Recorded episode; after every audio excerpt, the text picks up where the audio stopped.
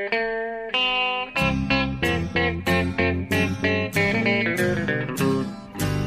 out there, we're on the air. It's hockey night tonight. Tension grows, the whistle blows, and the puck goes down the ice. The goalie jumps and the players bump and the fans all go insane. Someone roars, Bobby scores at the good old hockey game. Oh, the good old hockey game is the best game you can name. And the best game you can name is the good old hockey game. Hallå, hallå, hallå, hallå, hallå, hallå, hallå, hallå. Hallå, hallå, hallå säger jag också då. Och välkomna till eh, podcast, NHL-podcasten från Sportbladet. Med eh, Jonathan Ekeliv i Stockholm och mig, Per Bjurman, just nu i Las Vegas. Jag sitter på ett eh, rum med utsikt över eh, fontänen på Bellagio. Jag sitter i Ja, du sitter på på. Cosmopolitan. Nej, Ja, jag men- sitter på Cosmopolitan. men På, jag har balkong här ut mot eh, fontänen. Cosmopolitan är inget dåligt hotell det heller alltså. Nej, det är väldigt trevligt. Oj, ja, det, det, den lobbyn där och där, där nere liksom hela kasinot där. Det är ju bland de eh, coolaste som jag vill minnas i alla fall från min lilla korta visiten. Cosmo, som vi in the know säger. Ja, du ser det. Jag, jag, jag var ju helt ute och snurrade här. Och ska, men eh, är det någonstans man vill vara just nu eh, så skulle jag själv vilja påstå att det är där, där du är. I Las Vegas alltså. Speciellt som Ja, här är liksom, det här är hockeyvärldens epicentrum just nu. Ja.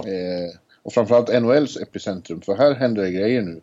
Nu är vi ju inne på slutklämmen här av, ex, expansion-draften. Eh, allt är ute och på natten till torsdag så, så plockas eh, laget ihop där. Eller vi får åtminstone veta då. De har ju redan gjort en del eh, affärer och, och dealar och grejer. Ja, ja precis. Det ro... När vi spelar in det här på måndagen svensk tid då, så är det ju en, en, en roster freeze som pågår i NHL. Inga dealer får göras förutom för Vegas. Då. De har ett exklusivt window här på tre dagar fram till onsdagsnatt eller torsdagsnatt eller vad man nu ska kalla det. Fram till natten Ja. till torsdag helt enkelt. Och får göra vad de vill. Och det är ju bekräftat. Det är ju McPhee ute och, och det visste vi alla att det Men McPhee bekräftar själv att hans telefon går varm här. Det är otroligt mycket bud som hamnar på hans bord och eh, beslut Ja. att ta ställning till här för att ta ut lagen. Han sover inte så mycket, George, just nu. Nej, Jag undrar hur mycket han har sovit överhuvudtaget de här sista veckorna. Och... Nej, han sa det. Igår natt hade det varit okej, men nu trodde han att det blir ingen mer sova den här veckan. Nej, nej, jag tänkte det alltså. Eh, för när... För att eh, när det här är klart, då ska de ju iväg till Chicago. Då är det ju vanlig draft och där ska ju Vegas också vara med för första gången. Pre- Precis, och ska man tolka ryktena rätt här senaste tiden så, så är de ju ute efter att samla på sig en hel del draftval. Så de kommer ha förmodligen flest val kanske i den här draften som kommer. Otroligt, I alla fall väldigt många val och viktiga val för det är viktigt att få en bra start för den här organisationen nu och, och välja rätt. Ja, fast du vet vad jag... Det här var vi inne på redan förra gången. Jag tycker att eh, det är en lite... Den är klok men tråkig hållning tycker jag. Som eh, organisationen har tagit. Alltså, de måste ju etablera sig här på en helt jungfrulig marknad i, i Las Vegas. Ja. Helt eh, renons på hockeykultur. De måste göra en splash här. De måste vara bra och de måste ha några riktigt starka profiler och stjärnor för att få det här att funka på en gång. Ja. Riktigt så kommer det inte att bli. Han tänker mer långsiktigt och det kanske är klokt men det är lite tråkigt också. Blir, han kommer ju bara ha en massa picks här. Han måste ju ha ett någorlunda hyggligt lag kommande säsong också. Ja, jag håller med. Om man tänker på nästa expansionlag som vi förväntar oss blir Seattle. Då, då, då kanske den här filosofin skulle vara mer accepterad lokalt. Eh, där hockey redan är, är starkt. Liksom. Det är, ja, kan man säga. Eh, det är ju inte så tufft att etablera hockeyn som i den marknaden så att säga. Här i Las Vegas så vet man knappt vad hockey är. Eh, och man kommer ju kräva att liksom få se en bra produkt på isen direkt. Eh, här här har man inte, förstår man inte riktigt det här med att bygga långsiktigt och att eh, någon ung spelare hit och dit kan bli bra om några år. Och att man har det tålamodet liksom. Nej, ska det vara så här då kommer de att få leva på det här eh, att, att eh, motståndarlagens fans kommer att göra det till en, en, en vacation trip och åka hit och se sina lag. Ja, Jag menar, om det är helgmatcher med Chicago, eh, New York, Boston. Det kommer att bli invasion av de fansen som gör sig en helg i Las Vegas samtidigt. ja, ja det kommer, precis exakt. Alltså det, det kommer nästan bli oavsett men det kommer bli ännu mer ännu mer så i allra högsta grad om de inte har ett tillräckligt bra lag på isen. Då, blir det, då kommer det vara fullständig dominans från bortafansen. Ja, och det där är ju lite tråkigt. Det kan man ju fråga de som håller på Florida och så. När, när när Detroit tar över eller Rangers tar över. Det är, det är inte så jättekul för de som, som är hemmafans och bryr sig på riktigt. Nej, precis. Nej, vi, vi var ju på Florida Rangers här i, i mars. Och Ja. det var ju överlägset eh, med Rangers-fans på den matchen. Eh, Ja. det, det var, jag kommer ihåg, bara för ett exempel, så var det så att Olli Jokinen skulle hyllas. Men han fick ju burop med tanke på vilken... Eh, snarare en hyllning är det redan med tanke på att det var så mycket Rangers-fans. Och de har ju ingen god relation till Jokinen. Så det, det blev liksom den effekten istället. Ja, just det. Ja. ja, men vi får väl se. Han kanske har några eh, S upp i rockärmen här som så många i Vegas har. Eh, Ja, eller inte, ja, just det det. ska man inte ha. Då blir man ju fängslad och. Men eh, vi får väl hoppas att han eh, tar en jackpot. Ja, att han Eh. går all in. Ja, att han lägger allt på rött. Ja. ja. Ja. Det är synd att de inte fick heta så här Las Vegas Gambler och sånt där som de ville göra. Eller? ja nej. Las Vegas Flamingos. Ja, du, det var ju det som du slog fast. Det hade varit jättebra också. Ja, Flamingos. Ja, men nu vet vi väl. Eh, det kommer ju några profiler. Det verkar nästan givet att det blir Flower som blir första Morris här. Mark André Fleury. Och han är ju ändå liksom en, en, en karaktär att bygga, bygga saker kring ändå. Han är extremt trevlig, extremt mediavänlig och, och eh, en spektakulär Morris också. Ja, nej, men det håller jag med om. Han är, visst, han är, börjar bli lite till åren kanske, men han är ändå... Man ändå liksom, och man tappade kanske lite hoppet kring honom när de åkte ut i slutspel efter slutspel. Han fick den här choke-stämpel på sig. Men det är ju fortfarande en, en väldigt... Det är en stjärna. En profil som man kan marknadsföra och han studsade tillbaka och höjde sitt marknadsvärde nästan lite igen här med sitt slutspel. Där han, eh, där Ja. han ju var väldigt bra och jag menar vann serien mot President's Trophy-vinnarna eh, Washington liksom. Ja. I allra högsta grad. Eh, Så Ja. att, och det verkar ju onekligen som att det är, typ, alltså det är klart inom citationstecken att han blir en keeper för Vegas. Sen återstår att se om han, de skeppar vidare honom i sin tur igen. Men det verkar som att... Ja, det Nej, det nog verkar Vegas. som att de är Ja, väldigt inne på att ha honom som ja, det är vad man har känt här några dagar nu. Precis, och han verkar ju liksom... När han hävde sin No Movement-klausul så var ju det i syfte att kunna bli plockad av Vegas Ja. och inte av något annat lag. Utan det var liksom Nej. exklusivt för Vegas kan man säga. Ja, eh, jag har ju varit här nu. Träff, jag har redan hunnit träffa lite eh, kollegor och så. Inklusive sådana som är stationerade här. Och eh, lite, lite får man ju förstå vad riktningen går. Det verkar ju också helt klart att eh, Marcus Kryger kommer att vara en svensk i Las Vegas.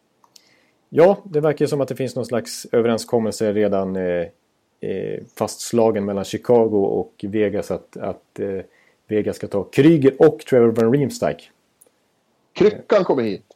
ja, Ja, Ja. kul. Alltså, ja. Eh, Det är säkert många som är jätteledsna över det men, och, och, och blir tradade och får lämna sina etablerade lag och så. Men det måste ju också vara lite kittlande att få vara med och bygga upp något helt från grunden. precis. Exakt. Nej, det, det, det, och vara med och sätta, sätta prägel på det och så. Det måste vara lite intressant ändå. Ja. Och för, i alla fall för något år sedan, eller två eller kanske till och med tre, så, så kände jag fortfarande, för när jag kommer ihåg när Kryger kom fram i Sverige, det att, eh, när han var i Djurgården och gjorde rätt mycket poäng i SHL, att det var ju en playmaker, en offensiv spelare. Och sen när han etablerade sig i NHL så fick han ta den här rollen som defensiv spelare. Nu är han ju en renodlad fjärde center kan man säga, som spelar boxplay. Och, Ja.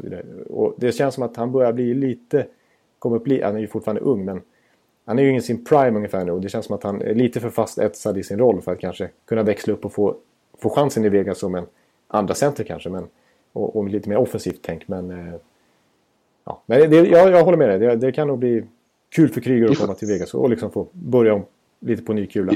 Han har ju sina Stanley. Cup-vinster också. Vi får se. Eh, McPhee sa idag att eh, han räknar med att ha fyra, fem killar här på onsdag som eh, kommer att vara Golden Knights-spelare.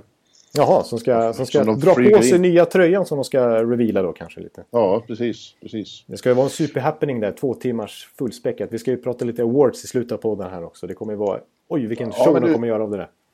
Låt oss nu, eftersom vi är inne på det här, jag vet att du la upp ett annat körschema, men när vi nu är inne på eh, expansion draften, Ja, vi vi kan kör. diskutera vad som, vad som hände med de här. Häromdagen kom ju listorna ut på skyddade och oskyddade spelare. Mm. Eh, Några överraskningar fick vi se och, åt både ja, vilka som skyddades och vilka som inte skyddades. Ja, det är bara det att de är lite svårtolkade listorna. Eh, framförallt vad gäller vissa oskyddade spelare då, vad, hur, hur mycket dealer McPhee har gjort. För det är ju uppenbart så att med vissa lag har han gjort dealer om, om draft picks då och eh, lovat att låta bli vissa spelare varmed de har kunnat lämna, lämnats oskyddade. Ja. Det finns exempel på det i Columbus, Minnesota, eh, kanske Pittsburgh då. Ja, eh, Anaheim kanske. Anaheim, ja just det. Mm. Eh, ja, precis. Och grejen är att här har ju NHL varit tydliga och Vegas och klubbarna på någon slags ömsesidig överenskommelse här att ingenting ska läcka ut. Jag tycker väldigt lite har läckt ut. Jag menar, visst ja. har Drager och McKenzie och så vidare och, och Beach Reporters kommit med lite hintar och lite sådär vissa lag börjar sippra ut kring. Men det är, vi vet, det är fortfarande väldigt spekulativt med bara två dagar kvar tycker jag. Ja, det brukar börja läcka när det har kommit till NHLPA, till spelarfacket. Det är då det brukar läcka till de här herrarna. Men mm. inte ens därifrån har man hört särskilt mycket nu. Nej. Nej. Man... Men vad, vad, säger du då? Vilka, det, som sagt, Minnesota har ju lämnat några oväntade kanske då. Oskyddade och... och, ja. och eh, ja. Ja, ja, alltså, ja. ja. men jag, jag, jag tar över tråden här. Apropå Minnesota. Ja. Nej men, ja visst. Och grejen är att de hade ju så mycket... Alltså även om de skulle verkligen vilja skydda en viss spelare så är, har de ju ganska många alternativ där. Eh, så det är svårt då för dem att göra, verkligen göra en, en bra deal. Nu blev det ju faktiskt så att Jonas Brodin blev skyddad. Det stod ju... Stod ju alltså man visste att Ryan Suter och Jared Spurgeon skulle bli skyddade. Men den tredje backen skulle bli Jonas Brodin eller Matt Dumba. Eller till och med Marco Scandella. Eh, så, och det var ju mycket trade-rykten här eh, senast vi spelade in podd egentligen om att Brodin skulle rycka. Men nu blev han skyddad och så är Dumba helt plötsligt oskyddad och likaså Scandella och så blev ju även Eric Stahl oskyddad. Mm. Eh, ganska profilstarkt namn om vi, om vi kallar det det i Vegas-sammanhang här. Och, och, och, så kanske Vegas tyckte det var lite synd för då valde man ju att inte protekta Stahl mot att skydda Jason Zucker som ju är från Vegas. Ja, just det. Det hade varit lite coolt. Men, eh. Ja, det, det, finns så många namn här. Det finns ju några som däremot inte eh, verkar vara några dealer kring som också är konstiga. Och då, då, då hamnar ju blicken på Detroit direkt som gjorde ett mycket konstigt eh, val. Eh, ja. Och skyddar målvakten Jimmy Howard men inte Mrazek, vår gamle vän. Ja, ja precis. vår gamle vän. Ja, det är väl lite konstigt måste man ju i allra högsta grad säga faktiskt. För att Jimmy Howard... Och det handlar inte alls om några dealer eller något sånt utan de, de, Ken Holland fick plötsligt för sig att eh, Jimmy Howard var mer värd att protekta än Mrazek. Som hade, Mrazek hade en, en rätt kass säsong i år men, mm. men vad, hur många år yngre är han och hur mycket mer uppsida och mycket mer talang har han än en ganska sliten och gammal Jimmy Howard? Precis, han är åtta år yngre. Ja. Eh, och som du säger, Howard, mycket skador på han faktiskt senaste åren. Eh, så sent som den här säsongen. Visst, han spelar bra till och från och han gjorde en bättre säsong än Mrazek totalt sett. Men, men Mrazek har ju som du säger mycket mer uppsida. Och så ja. sent som förra sommaren så slog ju Ken Holland fast att han var deras första val på sikt. Nu är det, det här är Mrazeks lag liksom. Han ska, han är, det, det är han som vi håller före Howard. Det slogs fast från högsta nivå i klubben. Och ett år senare så kan de dumpa han gratis till, till Vegas helt plötsligt. Det, det, det är klart att, att Vegas kommer att ta honom. De kommer ju samla på sig säkert 7-8 målvakter och sen kunna trada dem. Eh, precis. Såklart. Varför skulle de inte göra det? Nej, precis. För, för att eh, det är ju som, det är verkligen så att, att det, det, om man jämför forwards och utespelare, eller forwards och utespelare, målvakter och utespelare naturligtvis. Eh, så har det generellt sett i den här draften målvakter, att det är bättre målvakter än forward, eller en utespelare. Generellt sett. ja. det blev väldigt stökigt. Men så där finns det ju högre trade-potential, alltså trade-värde på de målvakterna. Så jag, jag absolut håller med om spekulationen i att Vegas borde plocka och kommer plocka ganska mycket målvakter för att där har de ju, kan de få stort värde i att skicka dem vidare i sin tur. Ja, precis. Och då, då, då är ju liksom mer eh, bets are off. Liksom. Då kan man ju traila för vem man vill om någon är intresserad. Ja, exakt, exakt, precis. Och, och det finns ju ett antal lag som fortfarande är på målvaktsjakt. Alltså nu, Eh, Arizona blev vi av med Mike Smith som vi kommer komma in på. Vi har Winnipeg borde vilja ha en ny keeper. Vi har Philadelphia till exempel. Så det, det finns ju ja. några fortfarande hål att fylla. Eh, och ett antal målakter som Vegas kommer kunna skicka dem till. Ja. Ja, är det några fler namn där ute som sticker ut? För det, det, var ju rätt, det var ju väldigt mycket svenskar, alltså 50 svenskar typ är oskyddade. Men av dem väldigt många som liksom eh, ja, inte är jätteetablerade. Nej, nej precis. Eh, nej men alltså den, den eh, Alltså, ja, vi har redan nämnt Kryger men En sån som William Karlsson känns ju mycket trolig. Att, Ja. eh, Colum- att Columbus kommer tappa då till, till Vegas. Columbus är precis som Minnesota ett sånt lag som hade ganska, har ett ganska brett lag. Och kanske inte så spetsigt nödvändigtvis. Och, och har man ett brett lag då, då blir det svårt att skydda alla liksom. Eh, och nu ryktas de ryktas ju i allra högsta grad ha en deal med Vegas då. Ja, det gör de. Att, att de ska skicka sitt eh, första val i draften här. Mot att eh, Vegas inte plockar, vad jag förstått, Jack Johnson, Jonas Corpizallo eller eh, Josie Anderson. Ja. Men Ryan Murray är, är tillgänglig. Nej, Ryan Murray har de protectat. Ja, okej. Ja, Han är förlåt. ute. Ja, förut var det lite rykte om, jättekonstigt rykte om att han skulle ingå i någon trade. Eh, men det verkar inte bli så. Ja, men då ligger ju William Wild Bill Karlsson eh, bra till för att få flytta till, till, hit till, till gambling-meckat i Nevadaöknen där vi just nu har 38 grader varmt och man knappt kan vara ute. Wild Bill är ett gångbart eh, namn tycker jag i Vegas. Ja, det är verkligen. Det är, Ja, han kanske, de kan göra lite, eh, vad heter det, Ja, eh, marknadsföring kring honom. Exakt, exakt.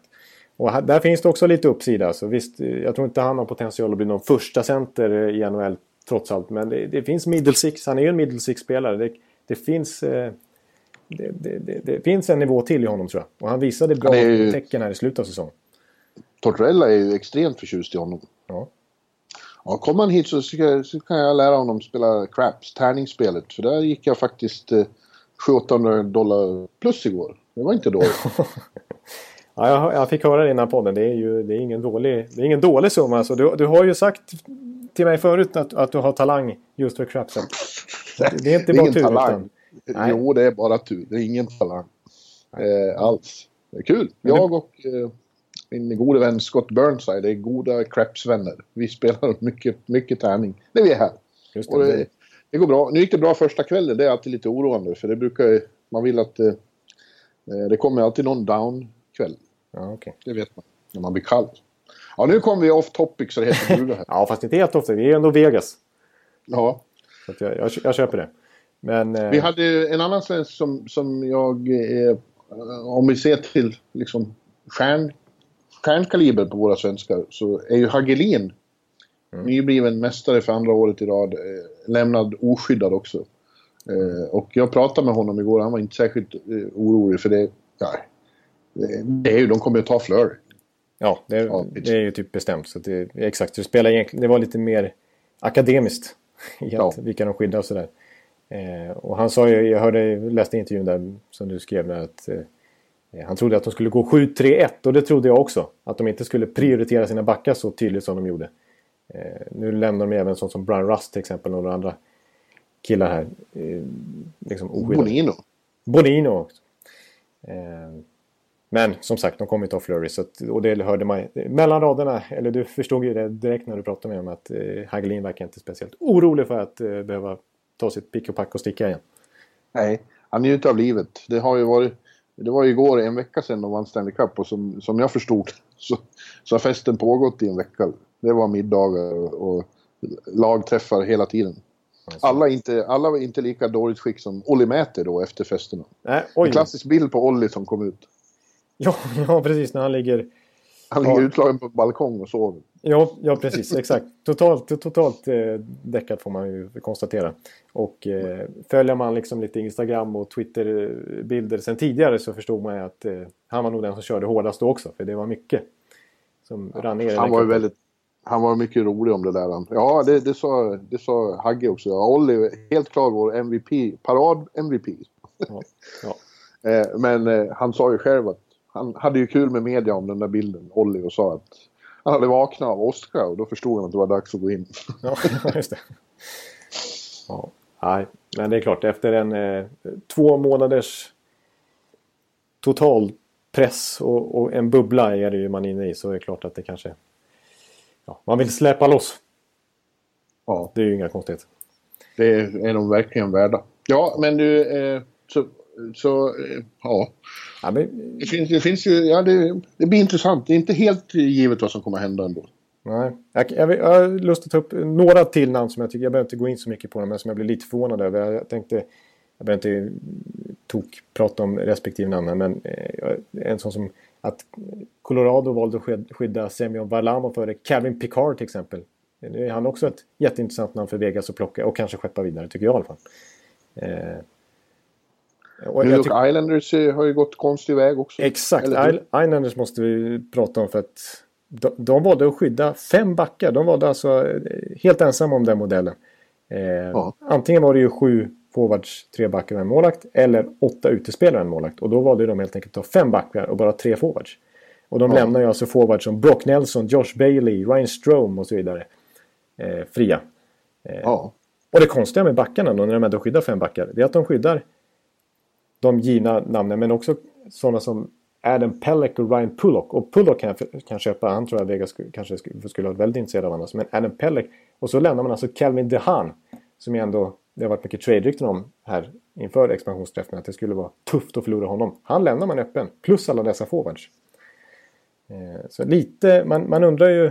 Man, ens, eh, vad ska man säga. Ens bild av Gort Snow. Och Ken Holland för den delen eh, tidigare har ju inte växt. Här. Av, av besluten. Jag menar jag, jag såg en, en, en, kul skärmdump här på vad, vad Gart Snow egentligen har gjort här senaste åren. Och, och det är inte så imponerande med Andrew Ladd-kontraktet och med konstiga Vanek-traden. Han offrar första val och så vidare och så spelar 47 matcher. Sen skickar vidare honom igen mot lägre grejer. Då. Eh, Nej, visst. Johnny Boychuk. Han har inte gjort något eh, ända sedan sin väldigt fina trade när han fick in Leddy och Boychuk. Precis, det, då, då fick man ju tillbaka liksom Eh, förtroendet för honom. För det var ju precis det de behövde. De fick väldigt bra värde för de två. Det var precis det ja. de behövde. Sen i sin tur lite senare så skrev man ju ett kontrakt med Boychuk som inte var så bra. Men ja, ja. Men Igor Snow har inte gjort mycket eh, under sina... I, under sitt dryga decennium som, eh, som general manager. De har ju faktiskt bara gått till slutspel fyra gånger också. Så att, eh, lite oförståeligt att han överhuvudtaget hänger kvar där. Ja, lite så är det. Så är det. Ja, men, jag vill säga en sak där med Islanders som ett rykte som jag läste som jag tycker är lite intressant. ja. Eh, kan det vara, alltså med tanke på att det var så otroligt konstigt det här av, av Islanders. Eh, att, det, att det ligger, kan ligga ändå ganska mycket mer bakom. Eh, men någon som spekulerar i kanske att, att för det ryktas ju att, att de ska skicka sitt första val till Vegas mot att inte ta någon forward. Däremot får de ta Calvin DeHaan. Men att Islanders i sin tur är intresserade av James Neal från Nashville då, som då lämnades oskyddad. Ja. Eh, och att man vill spela James Neal i sin tur med John Tavares. Okej, okay. ja, det, ja, det är intressant. Det är, det är ju spekulativt där, men det måste ju nästan vara någonting som ligger bakom här. Och det har ju George McPhee varit inne på senaste dagarna också. Att han får mängder av samtal, inte bara om liksom, eh, vilka, vilka från klubbar som vill skydda vissa spelare, utan från klubbar som har sett listorna nu och som tänker att oh, kan inte vi eh, kan inte ni ta honom så kan ni trada honom till oss. Ja. Så att det ligger nog ganska mycket i det tror jag. Ja, det var lite speciellt där. De eh, valde till exempel Järnkrok och skydda honom istället för eh, James Neal. James Neal som är liksom mer stjärna men, men han har ett lite jobbigare kontrakt och Järnkroks kontrakt är ju en dröm som jag var inne på för, för, för klubbarna. Ja, precis. Eh, exakt. Bara två miljoner per säsong. Alltså vi, vi får sätta citationstecken för det är ju jättemycket pengar Kalle får. Men eh, marknadsvärdsmässigt är det en, en drömdeal för, för, eh, för dem. Och det värderar de uppenbarligen högre här än James Neals målskytte. För att Neil sitter ju på ganska hög lön men framförallt så är han ju unrestricted free agent nästa sommar. Så de riskerar ju att tappa honom då. Eh, så då kanske de hade blivit av med både Järnkrok och Neil inom loppet av ett år. Ja. Eh, så att, eh, och för Vegas tror jag det är perfekt att ta Neil. Antingen genom att skicka iväg honom direkt. Eller att sätta honom som ett, litet, ett av affischnamnen för laget nu direkt från start. Och om de skulle vara ett bottenlag, vilket de troligen kommer att vara, så kan de skicka iväg honom vid deadline för ganska mycket betalt. Så att, perfekt för Vegas där. Ja. ja, men i Florida har vi också lite underliga eh, namn. Ja. Som hamnar utanför, eller hur? Med, med ja. Framförallt med din namne. Eh, ja. Masser, Masserscholdt. Ja, vi delar förnamn, sen har vi fantastiskt olika efternamn.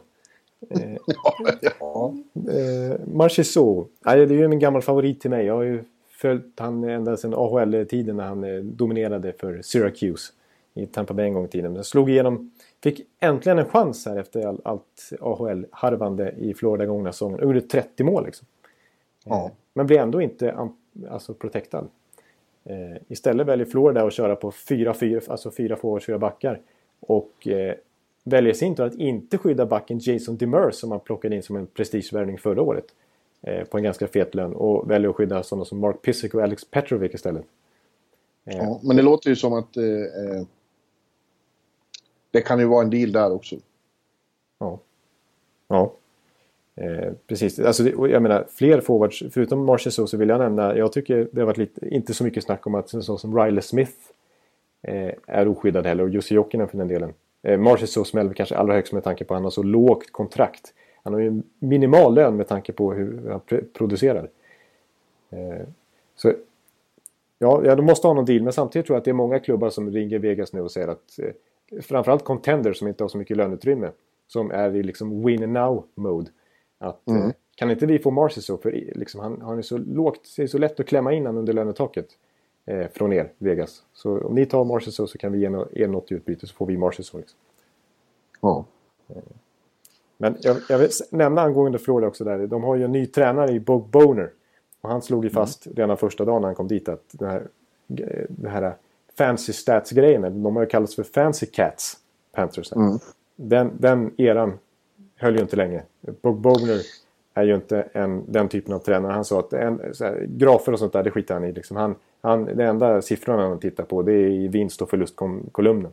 Nej, riktigt så sa han inte alls det. Han sa att han lägger... Ni, ni som håller på med det är så, är så eh, drastiska hela tiden. Han sa ja. att han visst använde sådana, men det, det, är inte hela sanningen.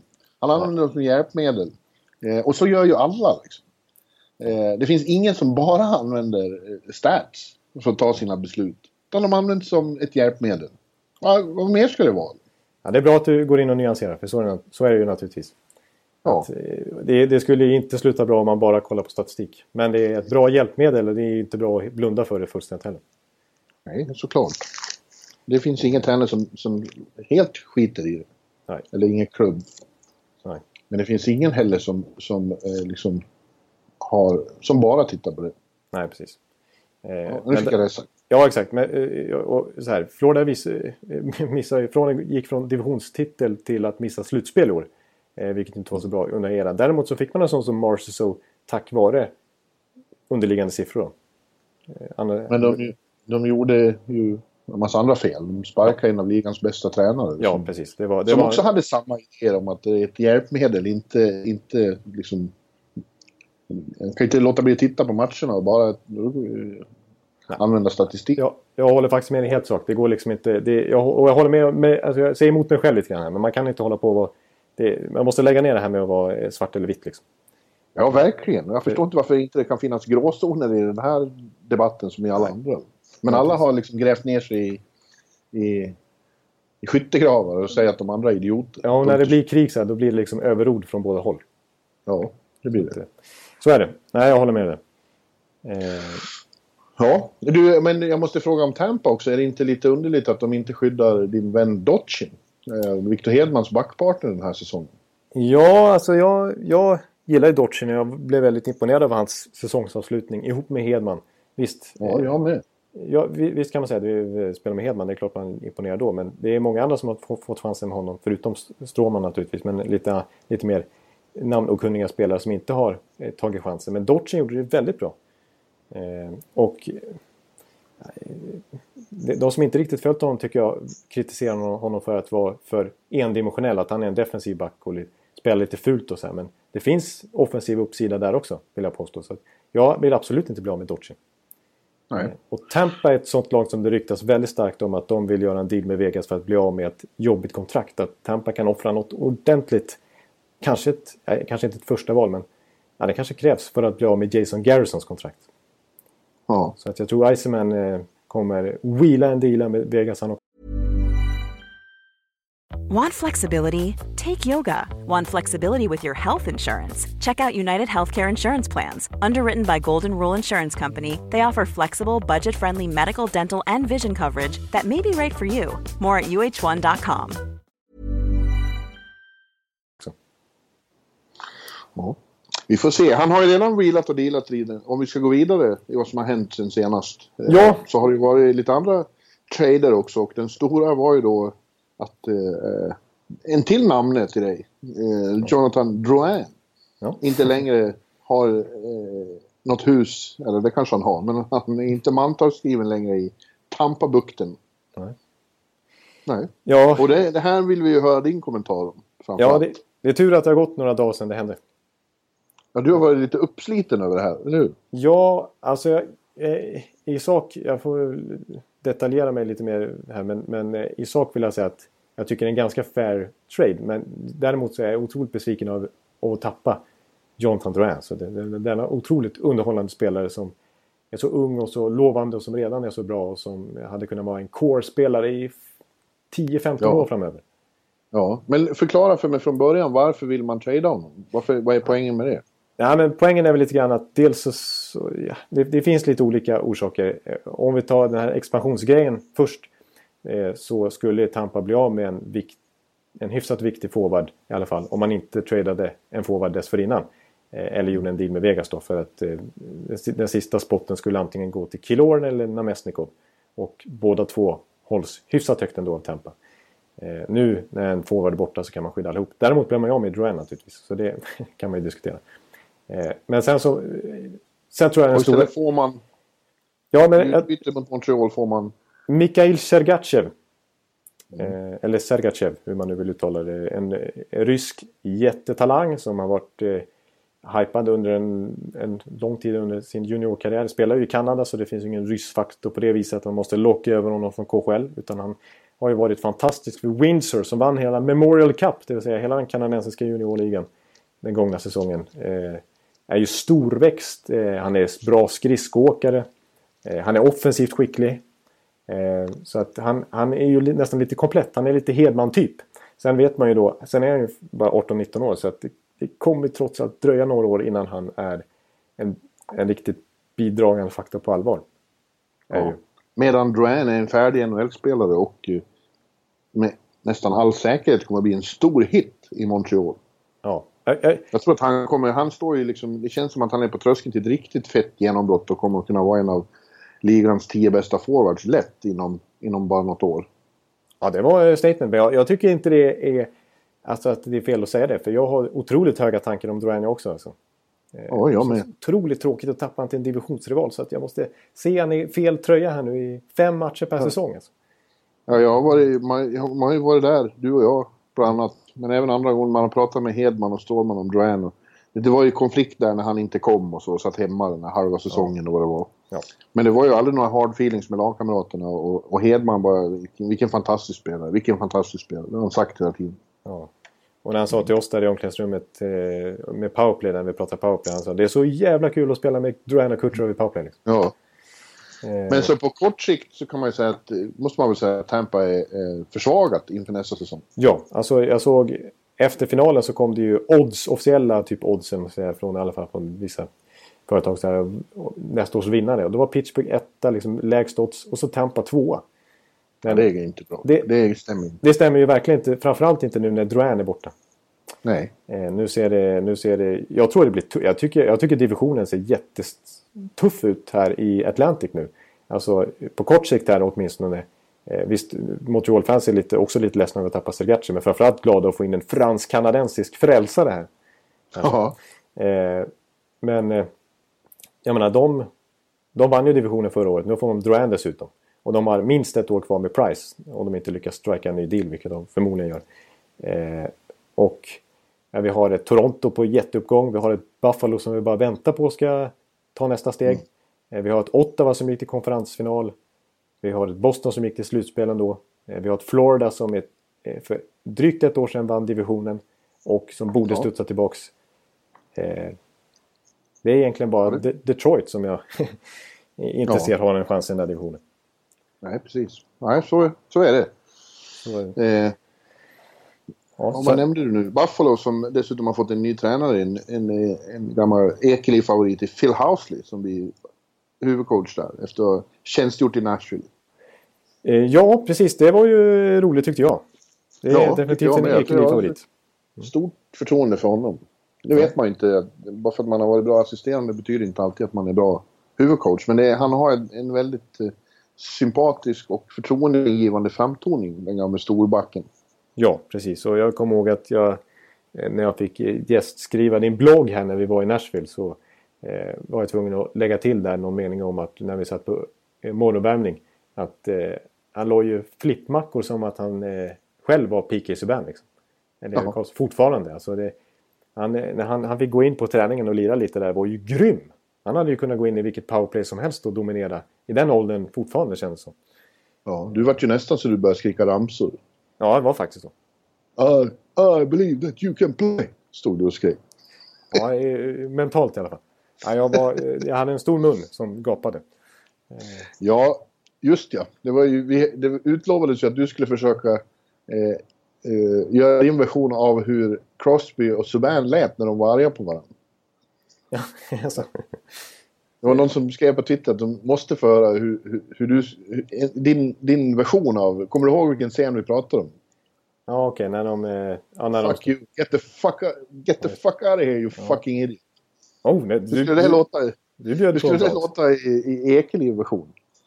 Ja, nu, nu blir det definitivt eh, sån här explicit eh, eh, liten bild här bredvid, bredvid podden. Eh, markering. Okej, okay. ja, men det låter ju... Fucking... What, you got fucking, what the fuck you doing? What, fuck, what, what the fuck are you doing? Motherfucker? Oh, nej. What? Du hittar ju på helt själv. Ja. Ja. Vad sjukt. Så där, så där låter det när du sitter hemma och fantiserar om hockey. Erkänn. Ja. ja, när jag sitter och kollar på Tampa Bay och de ligger under. Ja. Ja, ja du, snacka om off topic. Ja, nu tappar vi det helt här. Ja. Nej, men jag... Vad har mer hänt då, eh, Jonathan? Eh, jag, jag, vill säga, jag, jag har en sak kvar jag vill säga om Duranba innan vi släpper det helt. Och det är att jag, den, den, största anledningen till att, eh, som jag vill eh, anledningen, jag sa expansionsstraff som en grej, men den största anledningen till att Tampa trade honom, det är ju att Duran inte jättegärna ville spela i Tampa. Eh, och framförallt att Iceman inte var sugen på att gå in i en ny frostig förhandling med Alan Walsh och Duran Eh, för att, vi såg ju direkt när Duran väl kom till Montreal. Då tog det två timmar för honom att förhandla ett nytt kontrakt. Och han sa ju ja. själv att han hade, han, han, han hade fort, fortfarande inte kunnat sluta le. Sen han fick reda på den här traden. Eh, och han är ju en Montreal-kid. Det var ju till Montreal han flydde när han var avstängd av Tampa. Och ja, eh, eh, ja alltså han, Duran själv är ju helt lyrisk över det här. Ja. Och, ja, ja. Jag menar 5,5 miljoner hans nya kontrakt i sex år. Det hade ju Tampa aldrig kunnat skriva. Det är alltså 5,5 miljoner för en spelare som kanske blir en topp 10 forward i ligan om några år. Det är ju en stil alltså. Det är ju hometown discount för Montreal. Ja, och han kommer att plåga Tampa i många år. Ja. Usch, usch. ja. ja men, Vad har vi mer då? Apropå en lite mindre trade i jämförelse får man ju onekligen säga. Men apropå både eh, Phil Housley här i Buffalo och Montreal så skickade Montreal den, den före detta hypade backen Nathan Bulliot till Buffalo mot ett tredje val. Mm. Eh, och apropå Phil Housley som har kommit här från den mest spelskickliga backsidan i hela NHL till den, en av de minst spelskickliga kanske. Eh, så kanske Bulliot ändå... Eh, alltså det, det, märks kanske att Housley vill ha in lite mer. För Bulliot är ju ändå en offensiv back, en right-skytt mm. som har spel i sig men inte fått ut det i NHL. Ja. Det känns lite Vill han att backarna ska spela som i Nashville då blir, det inte, då blir det kul att titta på Buffalo. Ja, ja exakt. Om man kan få ut lika mycket dessutom då, då snackar vi. Med. Eh, men det kändes lite som en, att Phil Housley och Botterill redan vill eh, sätta prägel lite på det här laget och ha lite mer eh, liksom spel nerifrån. Alltså en bättre transition game. Att backarna hjälper till mer liksom. Ja. Eh, så får vi se. Jag tror att de har mer grejer på gång. Det har ryktats lite grann om att de också kanske skulle kunna vara intresserade av en Vatanen och så vidare. Så jag, jag, tror... Ja, det kommer ju hända väldigt mycket på trademarknaden när det här fönstret eh, är över på onsdag. Ja. Eh, när alla får börja deala igen. Det finns ju många det går rykten om. Rangers har vi Stepan som jag just läste om i, i, i New Post. Uh, att det kan bli någon black, blockbuster med honom involverad. Kanske Oj. med Arizona. Jaha. Arizona som tydligen har ekonomiska problem. De har beslutat idag att Shane Doan kommer inte tillbaks. Oj, det hade jag inte hunnit se innan podden faktiskt. Det är, det är ju ett, en era som är över ända sedan 90-talet. Ända sedan, Winnipeg-tiden för Shane Doan. Ja. Arizona Coyotes, ja det är LeBron som skriver. Arizona Coyotes are parting with long time captain Shane Doan. The club informed him over the weekend. Jaha. Se om någon vill ha honom då. Ja, han är väl över 40 år nu. Så att, eh, men Ja. han verkar ju inte ha haft intentioner på att lägga av. Vad det verkar i alla fall. Så, eh, men det, samtidigt har han ju alltid stannat i Arizona även när han haft bättre sportsliga alternativ för att han är så rotad där i Scottsdale. Och Det familjen- verkar också klart att eh, Oliver Ekman Larsson blir ny kapten. Jaha, det måste vi ju eh, spontant applådera i så fall. För det är väl mycket, mycket troligt att vi Ja, får ytterligare en svensk kapten då. Ja, det får vi. Det kommer fler framöver. Är det inte stor chans? Nej, de är ju jämngamla. Så jag tänkte på Hedman och Stamkos, men det är ju Stamkos. ju- Ja. De lär ju vara där lika länge och spela ihop. Och så. Hedman var Ja, väl lite, inom citationstecken vikarierande kapten i alla fall här när Stamkos var skadad. Ja. Eh, men det, det, det är ju... De är ju bra på sånt. Eh, Svenskar. och vara kaptener, ja. Ja. ja, verkligen. Ja, och sen är det ju då Chicago som, som ju har... De har ju problem med... Under, de får inte in sitt lag under taket längre. Och det, det sa vi väl redan förra veckan att det pratas om att Niklas Hjalmarsson kommer att tradas. Ja, precis. Alltså, visst, visst eh, blir de troligen av med både Kryger och Van Riemsdyk här i, i eh, expansionsdraften. Men de är fortfarande över lönetaket. Alltså, trots Ja. att de tappar båda två. Så att, de måste ju göra någonting. Och vi, vi, precis, vi nämnde Hjalmarsson redan förra veckan. Alltså, det är lite konstigt tycker jag att man håller så hårt i Brent Seabrook. Liksom. Nu vet jag inte hur många som skulle vara ute efter honom med den lönen. För att Seabrook har ju trots allt tappat lite grann sen han skrev det här kontraktet. Och framförallt några år innan när han var en väldigt högt ak- aktad back. Men där skulle man ju verkligen kunna bli av med lön om man lyckas trada honom. För jag menar Hjalmarsson är ju fortfarande väldigt bra. Han, Jal- Jalle har väl någon sån... Eh, tio lag han bara kan Ja. tradas till. Som han, Ja, just det. Jag tror Seabrook har full no movement. Så att han har ju visserligen lite mer begränsat då. Att han, han kan ju säga nej till vad som helst. ja. Ja. ja det, det vore ju tråkigt för, för Hjelbeer nu när eh, Uffe Samuelsson kommer dit också som blir ny backtränare i, Just det. i Chicago. Det vart ju klart också i veckan. Ja, just det. Tillbaks i NHL. Ja. Eh, Efter ett år med Charlotte Checkers i AHL. Men det är nog så att det är... Även om det man är headcoach där så är det inte riktigt samma sak som att vara i NHL. nej, Det är en annan, är en annan edge är på allting. Precis. När man är här uppe. Exakt, det är helt andra hotell man får checka in på och flygresa hit och dit istället för att konka på buss och vara borta i, i två, tre veckor i sträck i AHL och, och, och spela tre matcher tre dagar i rad ungefär. Liksom. Ja. Ja, precis. Ja. Något annat du tror kommer hända? Ja, men jag kom på en, en trade som jag eh, vill ta upp här. Eh, när vi var inne på lite trader som... Eh, det, det är ju Mike Smith. Ja, Den, just måste, det. den, den måste vi nämna också. Eh, apropå Arizona som vi sa här tidigare så, så, så skickade de alltså Mike Smith till Calgary. Eh, och eh, i utbyte fick de ju Chad Johnson som ju snart blir unrestricted free agent väl. Och eh, här är första juli. Och en eh, Boston University-talang, en back som heter Brandon Hickey. Och ett tredje val som blir ett andra val om Flames går till slutspel. Ja. Det, men det är tydligen så ett problem. Jag läste det i samband med det här att Doan inte kommer tillbaka. Det är dire situation ekonomiskt för Coyotes igen. Mm. De har inte råd. Det är så illa De måste, alltså. ner, de måste ner till lönegolvet.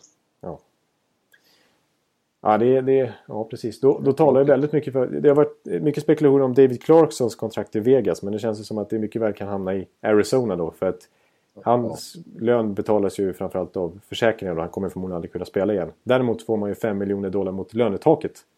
Som eh, Arizona skulle kunna utnyttja då för att nå lönegolvet överhuvudtaget. Ja. Det är så illa så igen. Och trots att de, den här eh, majoritetsägaren har köpt upp hela klubben nu typ. Och, och, och de har faktiskt lite, eh, vad, jag trodde i alla fall, stabilitet på ägarsidan till slut. Men de har sådana ekonomiska problem alltså. ja, tydligen. Och Sheikha sa ju också att huvudanledningen till att trada Mike Smith var ekonomiska orsaker. Ja, Det låter ju rimligt då. ja tråkigt. Ja, tråkigt. Vad säger vi om, om, om Smith som första keeper i, i Calgary då? Alltså, Ja, han är ju, eh, börjar bli till åren kommen, men han är ju faktiskt... Eh, han hade en bra säsong trots att Arizona var så, ja, så kassa. ja, helt okej. Okay. Helt okej okay säsong. Han är ju en... Alltså, anledningen till att han fick det här feta kontraktet som det är två år kvar på nu som han skrev 2013 eller 2012 och sånt där. var ju för att han hade en sån brutal säsong 2011-2012. Han hade över 93 räddningsprocent. Han var, ja. jag, tror, jag tror 38 vinster, vilket ju är väldigt mycket i ett Arizona dessutom. Och sen förde han ju Coyotes med, till konferensfinal. Vad heter de? Coyotes. Ja, jag tyckte du sa Coyotes. Ja, jag sa Coyotes. Ja, du sa det. ja, nu skäms Nu blir jag röd. Jotes kan du säga också. Det ja, är ju smeknamn. Ja. Jag ska säga Men han är lite... Han är ju ojämn både från säsong till säsong och ibland i säsongerna också. Han kan ha stretches när han är helt fantastisk och sen kan han vara eh, ihårig. Ja, precis. Och det är det som jag ville säga om den här traden. Att jag tycker det, jag, jag tycker det är lite konstig filosofi de har i, i Calgary med sina målakter. Alltså, för några år ja, sedan så, så, Ja, men för, för, några år sedan så tog man in Jonas Hille som man visste var labil, alltså väldigt hög högsta nivå men lite svajig mentalt och kan ha riktiga stinkers liksom. Och det funkar inte. Och sen tar man in Brian Elliott som är ju den definitionen av ojämn liksom. Otrolig ja. högsta nivå. Men otrolig lägsta nivå också. Ja. Alltså han är ju lika dålig som jag nästan när han är som sämst. Eh, eh, så är det. Ja men så är det. Ja. Och, och nu tar man in Mike Fan, Smith. vilken kritik. Jag skulle träffa Brian Elliott, då ska jag säga det. Du, du är lika dålig som Jonathan Ekeliv ibland. Ja, ja, du ser. Då skulle han bli kränkt. Ja, ja. Nej, men... Eh, och Mike Smith, ja, alltså det känns ju också, det är lite samma grej där. Visst, det finns en otrolig högsta nivå, men det är också just den här ojämnheten alltså, som jag inte är helt tillfreds med. Och han är till åren också. I allra högsta grad. Och eh, 35 Nej, det känns, inte, det känns inte som någon hit. Nej, nej när vi pratat om den här målvaktsmarknaden med Antiranta, Philip Grubauer, Fleury. Fleury har ju visserligen tackat nej till Flames har du sagt. Men eh, jag menar, Mrazek, Kevin Pickard och så vidare. Det fanns ju mycket bättre alternativ, tycker jag, och billigare alternativ än Mike Smith. Eh, ja. Så att, eh, jag, jag, förstår inte riktigt. Brad Trilleving, som visserligen kommer från Arizona-organisationen innan han kom till Calgary. Så det var han som skrev det här kontraktet eh, ihop med Don Maloney 2000. 2012 eller 2013 med Smith. Så han måste ju ha någon otrolig förkärlek till just Smith. Ja. Hörru, nu måste vi gå vidare. Ja. Eh, och eh, som sagt, det är inte bara expansion draft här i, på onsdag. Det är ju NHL Awards också som har hamnat väldigt mycket i skymundan får man säga. Och det är ja, inte så konstigt verkligen. eftersom det är awards varje år. Det här är ju en rarity som vi ska få med om nu. Men Mm. De bästa spelarna från grundserien ska få sina priser. Eh, och eh, ja, vi har ett eh, duktigt gäng som kommer hit. Vi kan väl titta på de största priserna, kategorierna. Och vi börjar med Hart. Ja. Där är det ju då Bobrovski, Crosby, McDavid är de tre nominerade. Och jag vill redan nu säga att jag tycker att jag hade rätt i att Erik Karlsson hör hemma där. För fick vi inte bekräftat igen under slutspelet att det finns ingen som är viktigare för sitt lag än Erik Karlsson. Nej. Ottawa Senators är ett, ett, en bot, bottom feeder utan honom och ett mål ifrån Stanley Cup-finalen med honom. ja, exakt. Ja, det, det, har du helt rätt i. Och det prat, vi har ju pratat mycket awards där i februari-mars någonstans. När det var ja. inför, inför omröstningarna. Eh, ja. Och då, både du och jag propsar onekligen för Erik Karlsson, liksom många andra naturligtvis. Men, eh, men nu blir det ju... Ja, jag tror att det blir Crosby. McDavid har ju visat sig extremt viktig. Han turned the whole organization around på egen hand nästan. Mm. Eh, uppe där i Edmonton. Men Crosby är Crosby och han... Det, går inte att ha en sånt här år han har haft utan att vinna den här, tror jag. Så vann han ju faktiskt skytteligan också i grundserien. McDavid vann poängligan och Crosby vann skytteligan. Så att, eh, jag, tror, jag, jag säger 50-50 men jag, jag, protesterar inte på något sätt eh, varken om det blir McDavid eller Bob Crosby. Däremot om Bobrovski vinner, då, då skulle jag... Men det kommer inte hända. Nej, det tror jag inte. Ja, vi har... och, återigen pratar du med en som har varit med och röstat. Så jag, eh, jag vet ja, ju en, en 133 eh, del hur det blir. Ja, just det. Just det Eller vad det är. Exakt. Du har ju makt i det här på ett helt annat sätt. Liksom. Sen har vi den stora kategorin för oss svenskar då. Det är Norris Trophy där vi har två svenska herrar, Victor Hedman och Erik Karlsson, eh, som går upp mot eh, Brant Burns om eh, ligans bästa back. Och länge så hette det ju att det var självklart att Burns skulle vinna efter sin första halva av säsongen. Men jag hör allt mer. Jag hörde igår kväll, nej, Erik kommer vinna det här. Och då ska man komma ihåg att det är grundserien. Vi röstade innan slutspelet. Hade slutspelet varit inblandat så hade det inte varit något snack om att Erik hade vunnit det här. Men Men de tror, det är många som tror att han får sin tredje Norris Trophy. Ja, jag hoppas verkligen på det också. För det är, nu är man ju ännu mer färgad av, av slutspel naturligtvis. Men det är inget... Eh, man behöver inte ens... Vet, det, vi vet ju om att Erik Karlsson är bästa backen i, i världen. Liksom. Ja. Och han ska vi. Han för, och jag menar, för, redan förra året skulle han skulle fått sin tredje då också. Det, det skulle ja, det skulle han. Det är verkligen. Så att, eh, verkligen. Så, det kom ett nytt nummer av Hockey News alldeles nyligen och då var det eh, på första sidan var The Big Three. Och så var det bild på Crosby, McDavid och Erik Karlsson. Och så stod det Erik, well, welcome to the club. Jaha, det missade jag faktiskt. Räknas, han räknas alltså i, nu då i, i NHL som en av de tre största. Aha. Det är han och Crosby och McDavid. Det är de som är liksom definitionen av, eller def, definierar den här eran kan man säga.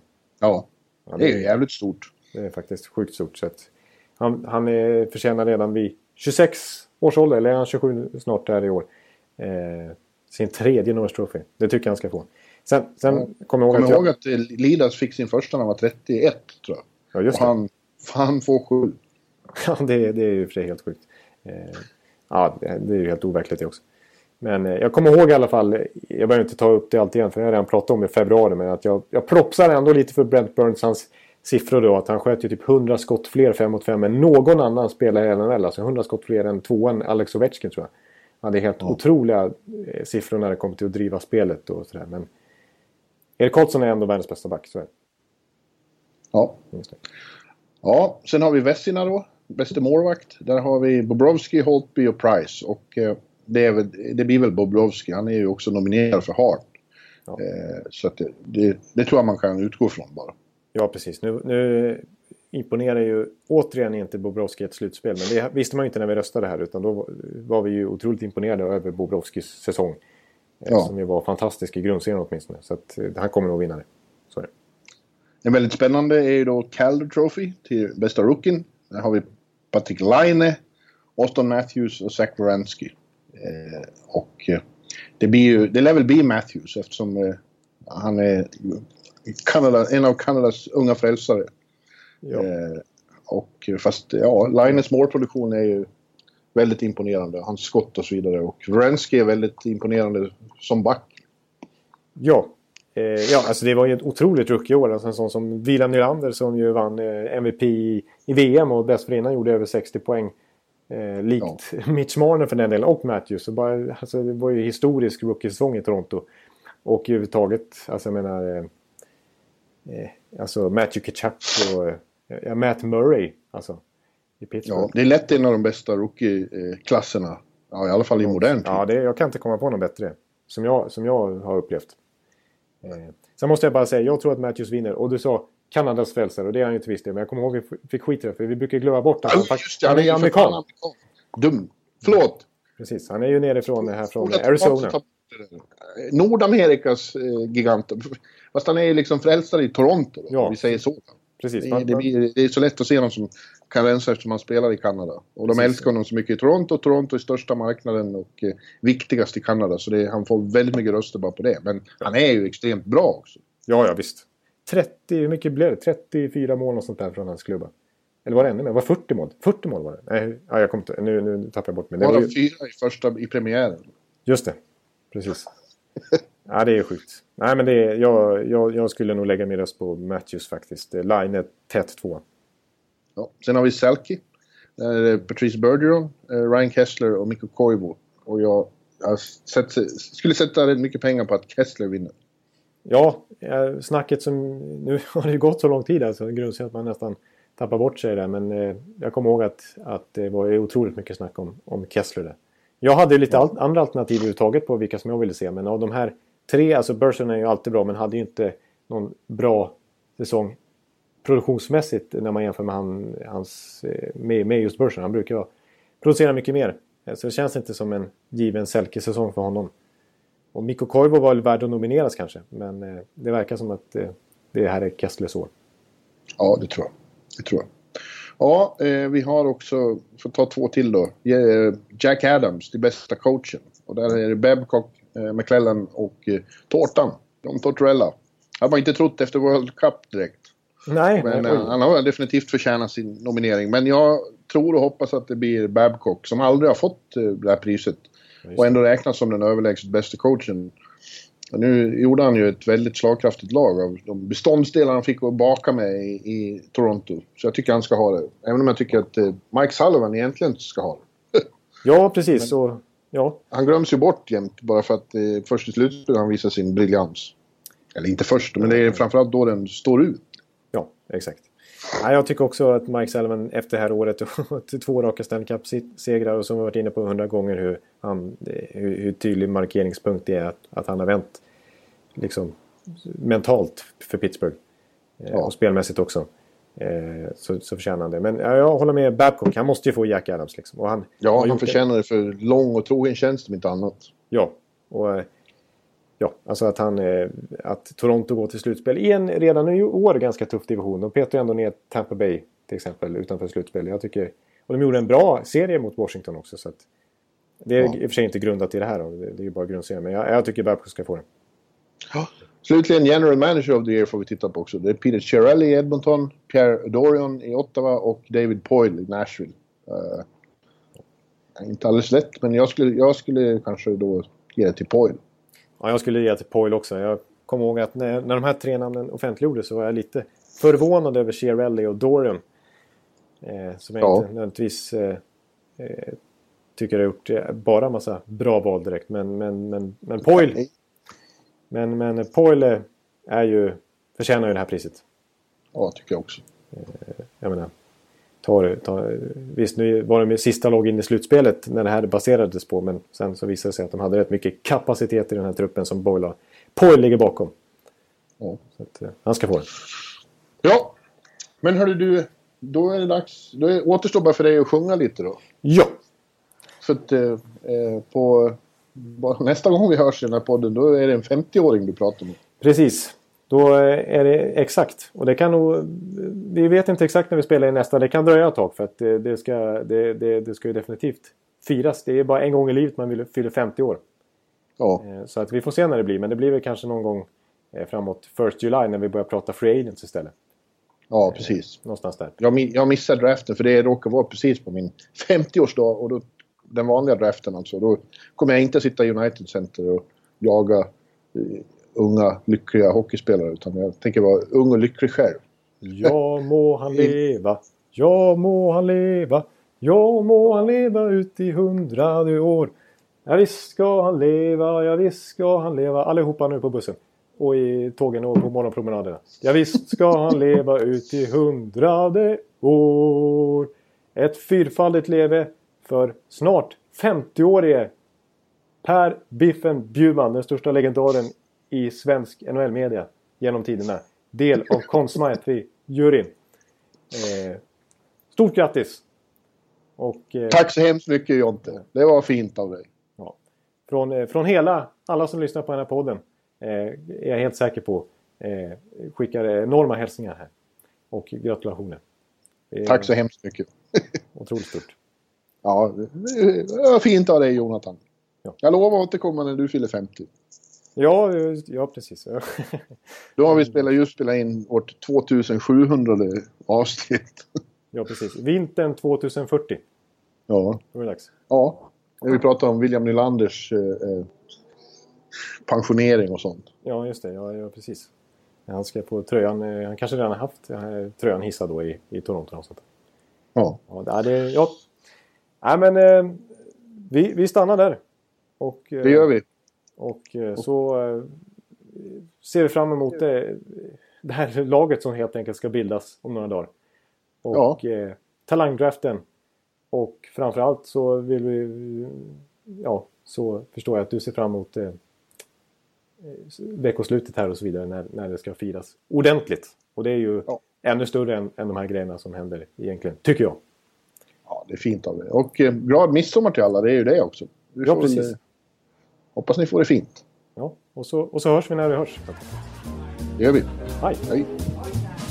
I don't care if the sun don't shine I do my drinking in the evening time when I'm in Las Vegas You can sit in the sun and camp I get my color from a sunray lamp when I'm in Las Vegas. I love the laughs and love the life. There's fun of every kind.